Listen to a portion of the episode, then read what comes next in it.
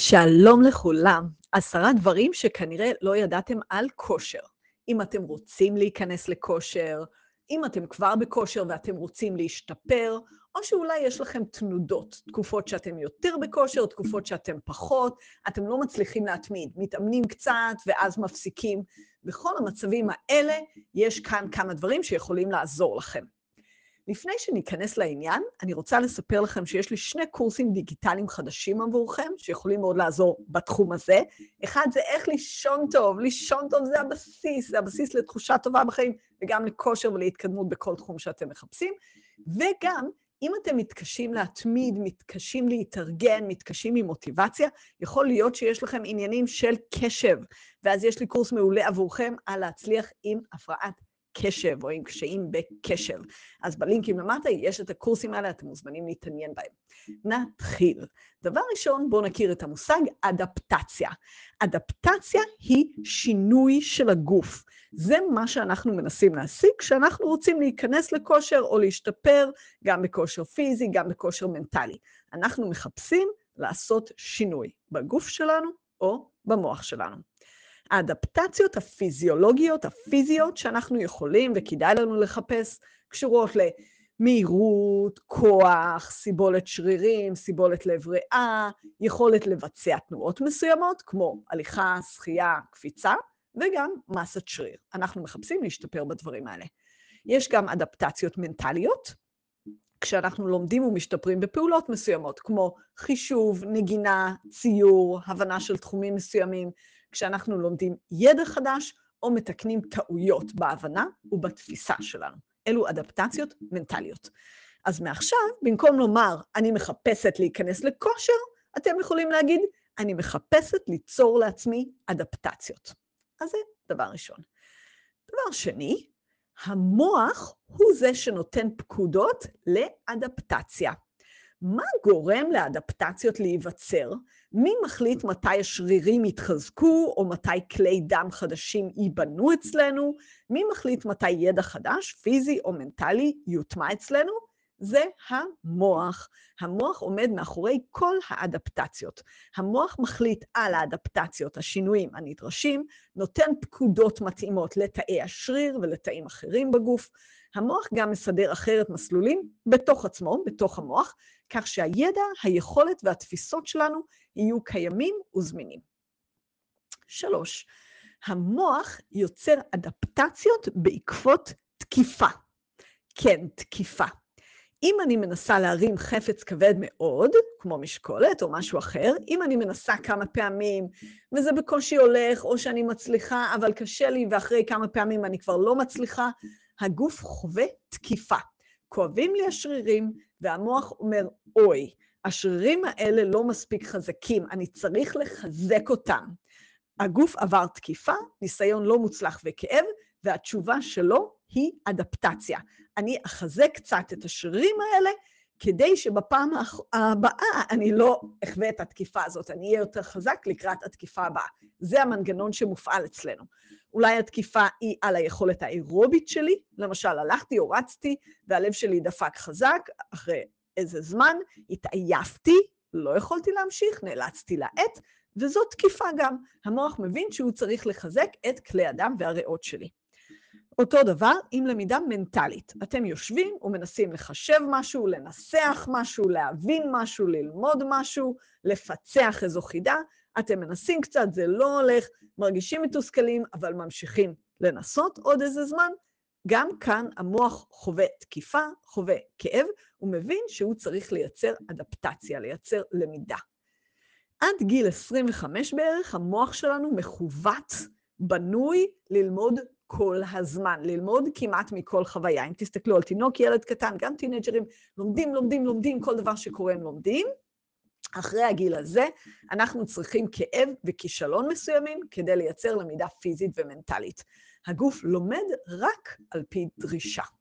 זה אולי אמת לא הכי נעימה לשמוע, אבל עדיין זאת אמת שכיום זה מה שנחשב בעולם המדע.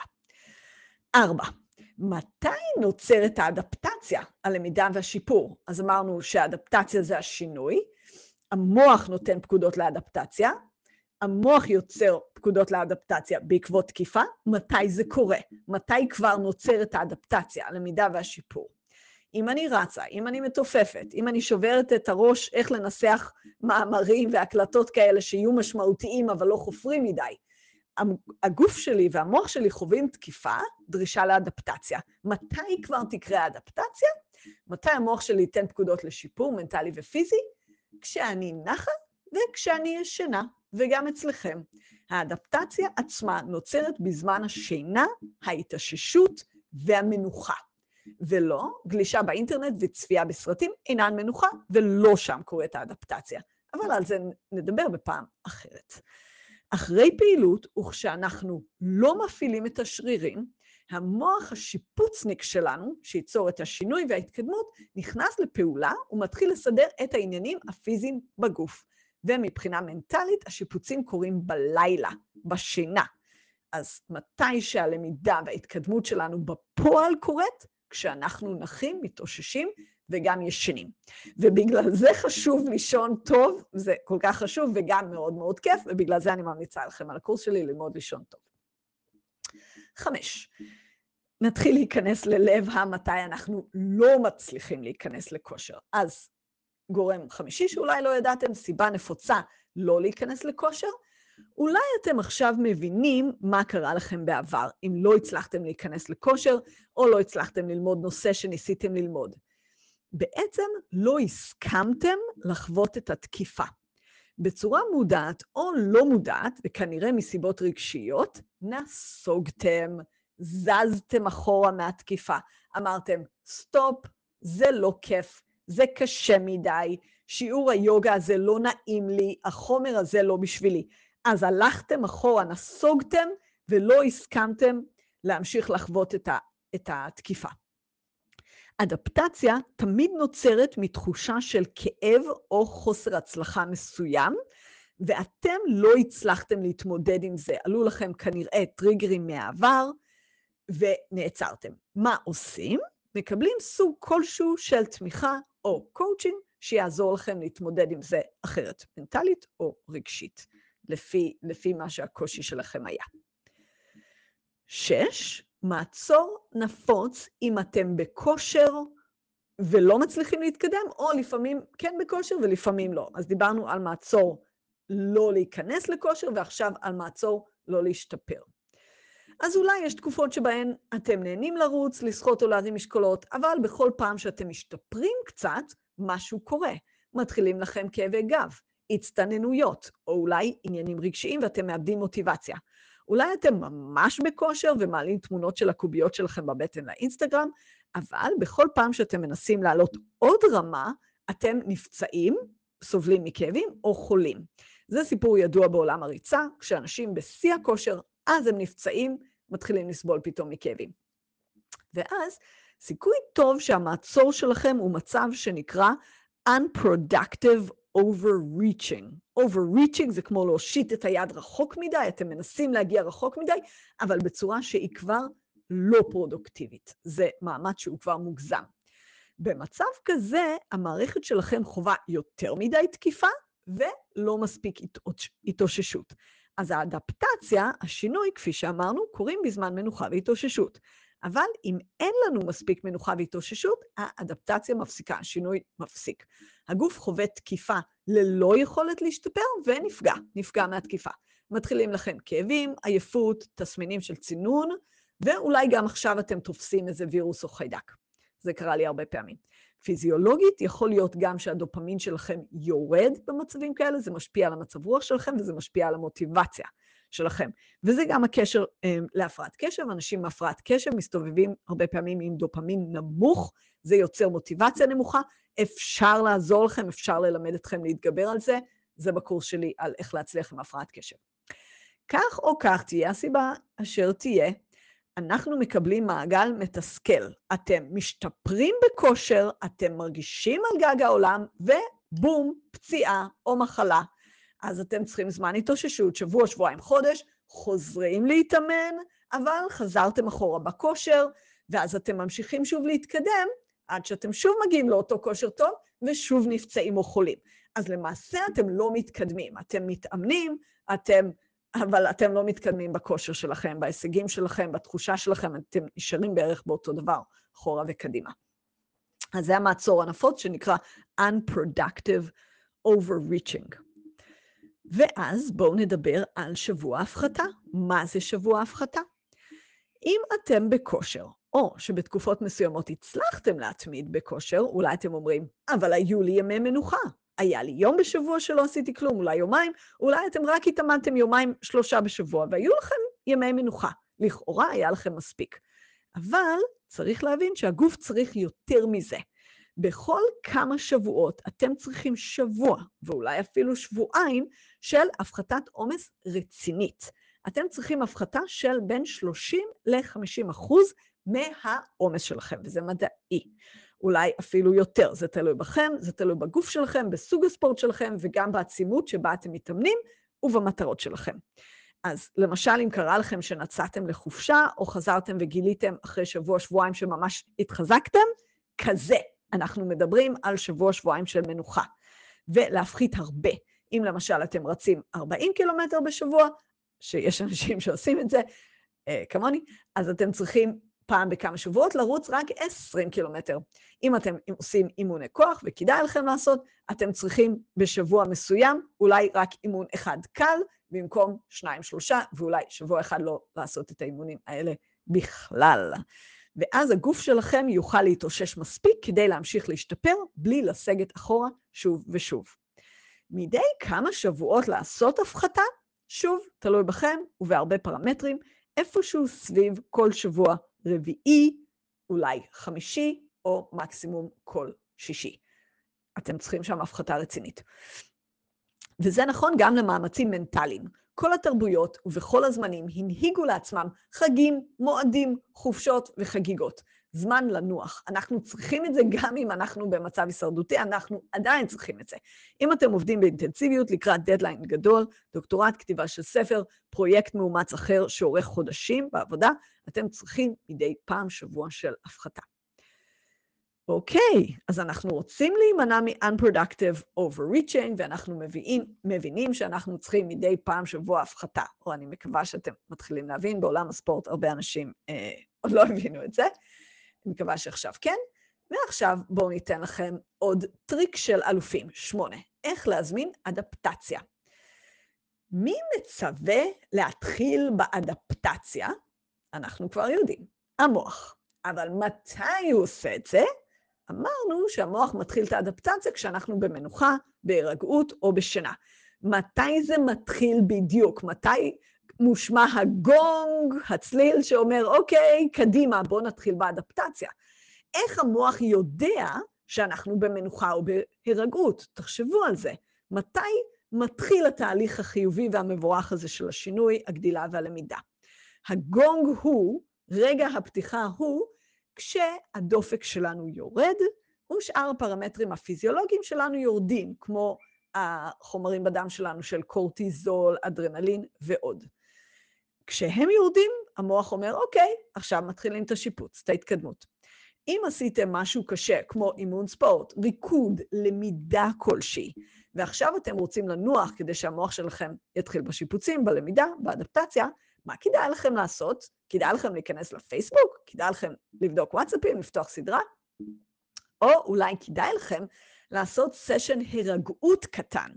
זה הטריק של האלופים האולימפיים ושל היוגים הפנומנליים שעשו יוגה מדהימה בהיסטוריה, והטריק הזה יכול להיות גם שלכם. לעשות כמה דקות של מנוחה במיטה בעיניים עצומות, או שכיבה על מזרון הספורט שלכם בעיניים עצומות, ולהרפות את השרירים, לנסות להאט ולהרגיע את הנשימה. כמה דקות של תרגילי נשימה, ולו הפשוטים ביותר של קצת להעריך את הנשיפות והשאיפות, או אפילו פשוט להרפות. ואפילו אם אתם עושים את זה במקלחת, כמה דקות של הרגעות אקטיבית ייתנו לכם את הגונג למוח שלכם. סיימנו להתאמץ, עכשיו תורך לתגמל אותנו. ולקראת סיום, נקודה נוספת, שאולי לא חשבתם עליה, שגרה לא יוצרת התקדמות. אם יש משהו שאתם אוהבים לעשות ומתמידים בו שנים, זה נהדר. אם אתם אוהבים לרוץ בכיף בים פעמיים בשבוע, לשחות, לעשות ג'ם סשן של נגינה בסופש עם חברים, אתם אוהבים לשחק שח, נהדר, תמשיכו. הבעיה היא שהגוף שלכם כבר לא חווה שם תקיפה, ולכן לא נדרש לאדפטציה, להתקדמות ולשינוי. כשאנחנו חוזרים על אותן פעילויות באותה עצימות ומשייטים לנו באזור הנוחות שלנו, אנחנו משמרים יכולות מסוימות, אבל לא משמרים את כל היכולות שלנו, ובטח לא בונים יכולות חדשות. יש יכולות מנטליות מסוימות שקשורות ללמידה, לתשומת לב ולזיכרון, שהפעילויות השגרתיות שלנו כבר לא מפעילות, כבר לא מאתגרות.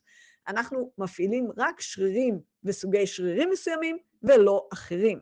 למשל, רוב האנשים מפעילים פחות את השרירים שקשורים לכוח מתפרץ. וזו אחת הסיבות לירידה של מסת שריר עם הגיל, גם לאנשים שנשארים פעילים, כי הם פעילים רק עם סוגי שרירים מסוימים. בדרך כלל, יש כל מיני סוגים, אבל אפשר בגדול לחלק לשרירים האיטיים, שהם מופעלים ברוב הפעילויות הרגילות, ויש את השרירים המהירים שפועלים עם כוח מתפרץ. אז זה קשור אה, לירידה במסת שריר, כי סוג מסוים אנחנו לא מחזקים אותו והוא נעלם לנו, וזה גם קשור לירידה קוגניטיבית, אנחנו לאט לאט מאתגרים את עצמנו מנטלית פחות ופחות. לכן, חוץ ממה שאתם אוהבים ונהנים ממנו, כן, עם זה תמשיכו, אבל גם שווה לשקול להוסיף לפעילות שלכם מה שנקרא Progressive Overload. העמסה, להעמיס עוד עומס, מתקדמת, להמשיך ולהעלות את העומס, להמשיך לאתגר, להקשות קצת, לגוון, לשנות, כדי להמשיך לסמן למוח, אנחנו צריכים ממך עוד אדפטציה ושינוי בבקשה. אז אם נסכם, עשרה דברים שאולי לא ידעתם על כושר. אחד, להבין מה זאת אדפטציה. אדפטציה זה שינוי שהמוח יוצר בגוף ובעצמו במוח. שתיים, המוח הוא זה שנותן פקודות לאדפטציה. שלוש, המוח יוצר אדפטציה בעקבות תקיפה, בעקבות כאב, בעקבות מאמץ, בעקבות גם כישלון. ארבע, מתי נוצרת האדפטציה? בזמן מנוחה והתאוששות. שם אנחנו מקבלים את התגמול שלנו. חמש, סיבה נפוצה לא להיכנס לכושר היא שאתם לא מוכנים לחוות תקיפה. אתם נסוגים ברגע שזה קשה. ושש, מעצור נפוץ אם אתם כן בכושר ולא מצליחים להשתפר, או לפעמים בכושר ולפעמים לא, אתם כנראה נכנסים למצבים של unproductive overreaching. אתם מגזימים עם האימונים שלכם, עם ההתמדה באימונים שלכם, ואז מה שאתם צריכים, שבע, אתם צריכים לעשות, שבוע הפחתה, פעם בכמה שבועות להפחית את, העומס, את העומס בצורה רצינית, להוריד 30 עד 50 אחוז מהעומס שלכם לשבוע או לשבועיים, או להוריד את הכל אפילו, אמ, תלוי בכם. ושמונה, טריק של אלופים, להזמין אדפטציה על ידי סשן של הירגעות של כמה דקות. זה מאוד מאוד מאוד יעיל בהתאוששות ובשיפור. ולקראת סיום, שגרה לא יוצרת התקדמות. כדאי לנו גם להוסיף מה שנקרא Progressive Overload, העמסה מתקדמת, להמשיך להוסיף לעצמנו אתגרים, לגוון ולשנות את מה שאנחנו עושים, פיזית ומנטלית. ועשר אחרון, אולי לא ידעתם שאפשר לעזור לכם. בכל גיל ובכל מצב שבו אתם נמצאים, אפשר לעזור לכם עם כושר, עם התקדמות מנטלית, רגשית ובכלל בחיים, מניסיון רב. מי יכול לעזור לכם? קואוצ'רים כמוני, שמי סלי תדמור, אני קואוצ'רית, וגם מאמני ספורט טובים ומטפלים בתחומים שונים. אפשר לעזור לכם גם בשיחות ובפגישות אישיות, וגם בעזרת קורסים דיגיטליים טובים. אז זה ממני אתם מוזמנים לעשות לייק ולהירשם לערוץ ולהירשם בספוטיפיי וביוטיוב. אתם מוזמנים להיות בקשר, מוזמנים לשים שאלות גם בתור קומנטים ביוטיוב, או לשלוח אליי אישית שאלות, ושיהיה לכם בהצלחה ובטוב.